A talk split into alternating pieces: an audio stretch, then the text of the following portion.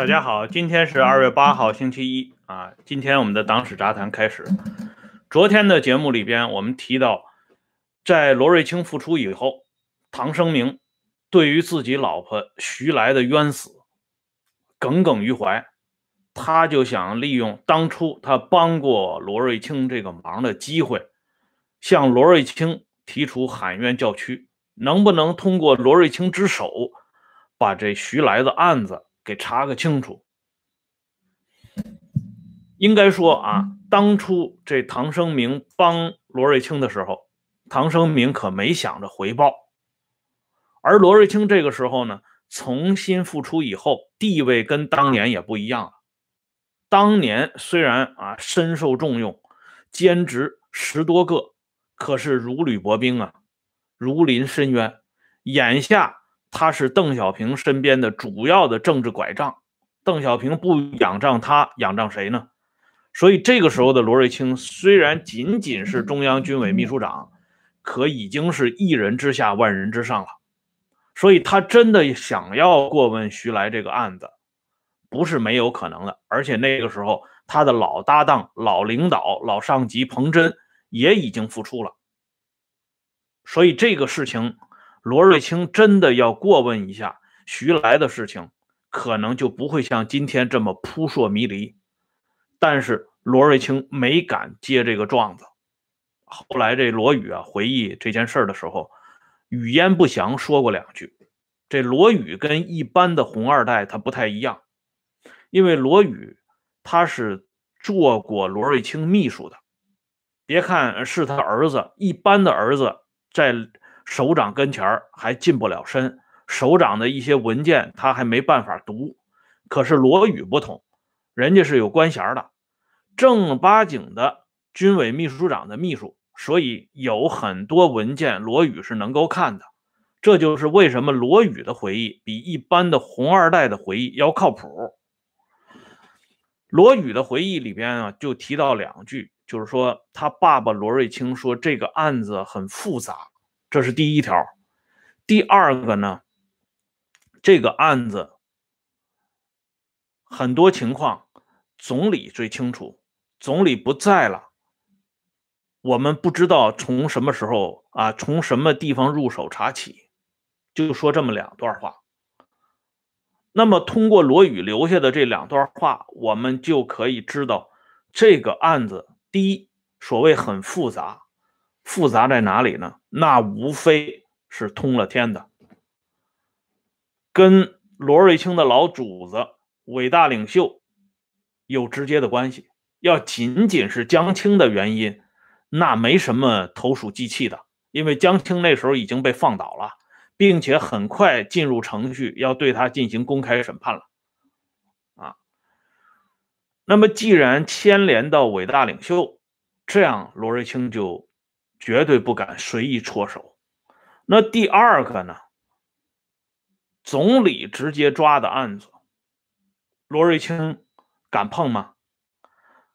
总理的老伴儿，咱们的邓大姐那时候还在上边呢，还是中央纪律检查委员会里边仅次于陈云的第二号人物。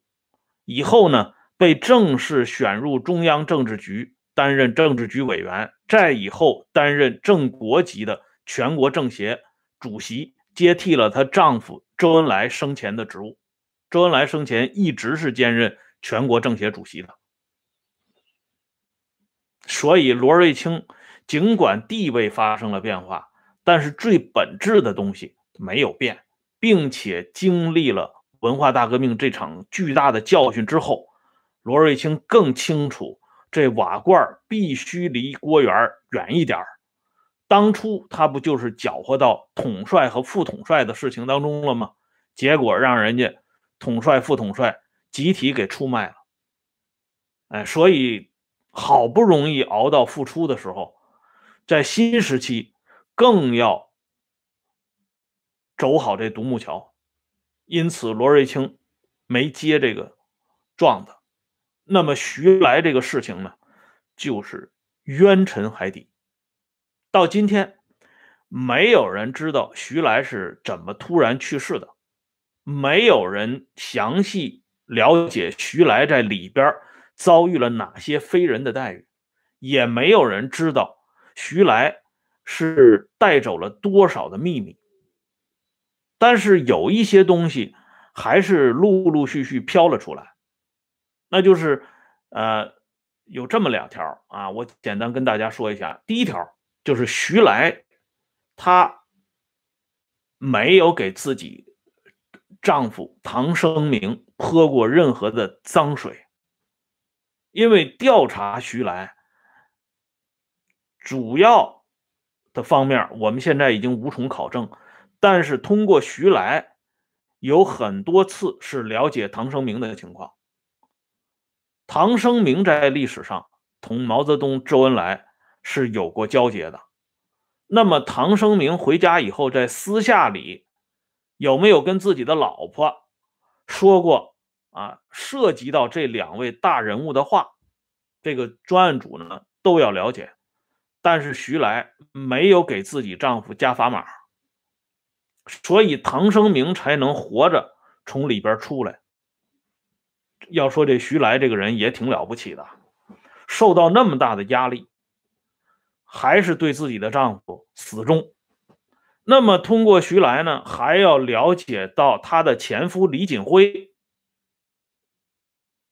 有没有私下里提到过咱们后来的文艺棋手江青，以及江青后来的丈夫的情况。这李锦辉啊，他是一九六七年二月份去世的，而李锦辉的骨灰安放仪式，直到一九八七年才完成。我们知道啊，一九八零年就已经对这江青开始审判了。如果李锦辉真的是江青独立迫害致死的话，那么他的骨灰安放仪式不会一直拖到一九八七年。而且，一九八七年过问李锦辉骨灰安放仪式的人是谁呢？是赵子阳。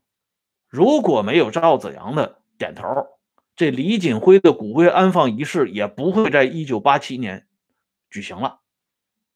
所以，咱们想想，就这么一个流行音乐之父，他怎么会受到这个待遇？李锦辉有一个干女儿叫黎丽丽。啊，这个人的真名啊，姓钱，叫钱真真。他有个亲爹叫钱壮飞。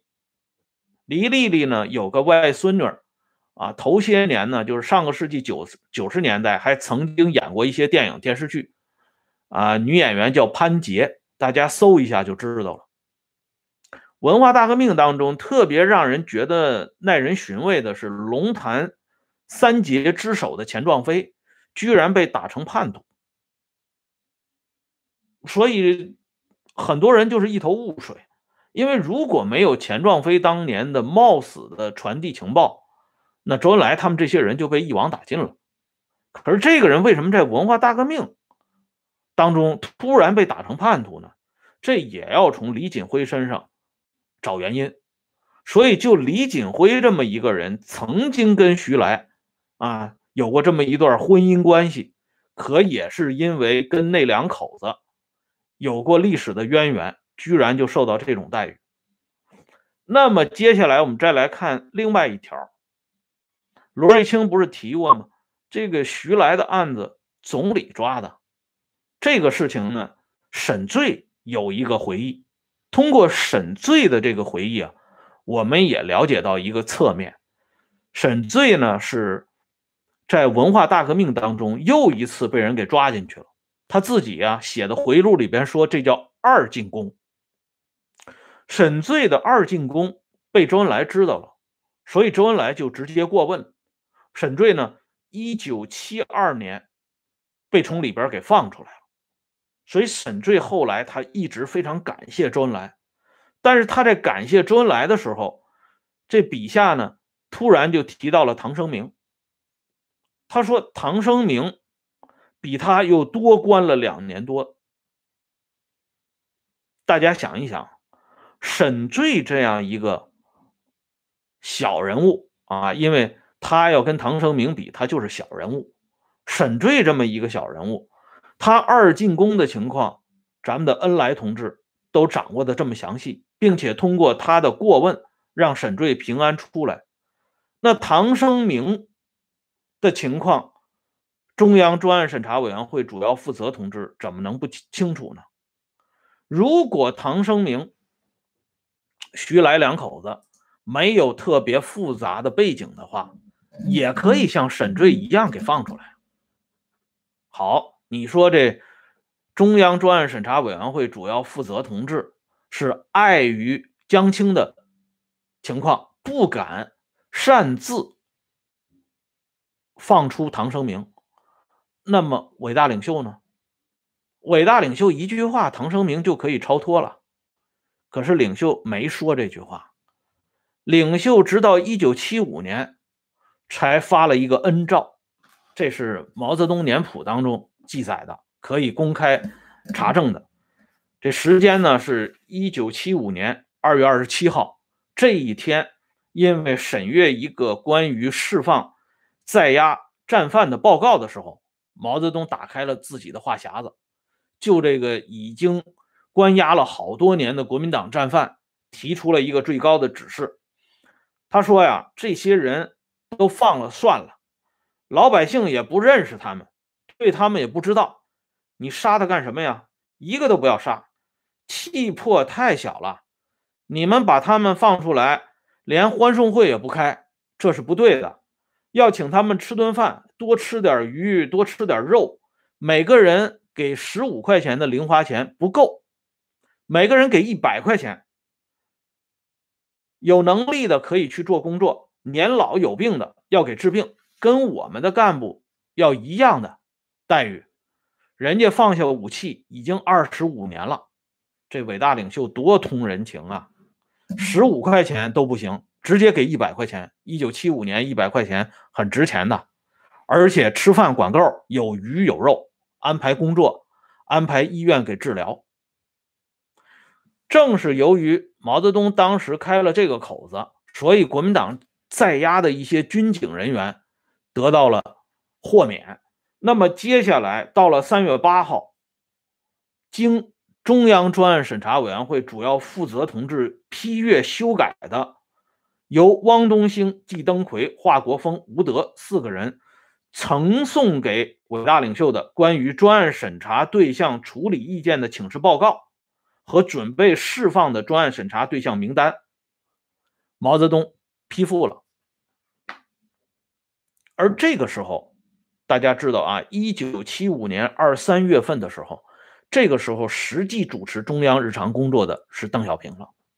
也就是说，在推动战犯释放。和国民党军警人员羁押、陆续重见天日这个问题上，邓小平是起了一个关键性作用的。这个事儿啊，真是老邓当年做的一件人事儿啊，这是一定要说一下的。但是中央专案审查委员会的主要负责同志虽然重病在身，可是刚才我给大家念了毛泽东年谱里边的原话。具体释放名单还要报送到他手中，由他进行批阅修改，然后由汪东兴、华国锋他们转呈到伟大领袖手中。正是借着这股东风，唐生明才于1975年6月29号被放了出来。换句话说，唐生明没享受到特殊的待遇，他无非是随大溜啊，跟大家一起给放出来了。可是大家知道吗？在历史上，唐生明这个人救过周恩来两次啊，这可以说是救命之恩啊！不是说给周恩来挡枪，可是也跟挡枪差不多。我们知道周恩来这一生最辉煌的第一件事就是南昌起义，打响向国民党反动派武装对抗的第一枪。这南昌起义能够成功的举行。你从公开的报道里边看的都是咱们的恩来同志如何的厉害，咱们的贺龙军长如何的配合，以及其他人等一大堆，从来没提过唐生明干过什么事儿。但是唐生明在这里边起的这种无名英雄的作用是无法替代的。那么具体呢，唐生明做了哪些大事儿让周恩来摆脱险境呢？咱们留待明天接着说。感谢朋友们上来收看，欢迎大家关注“温相说时政”会员频道，每天都有更新。那么今天呢，我们就先说到这里，明天接着聊，再见。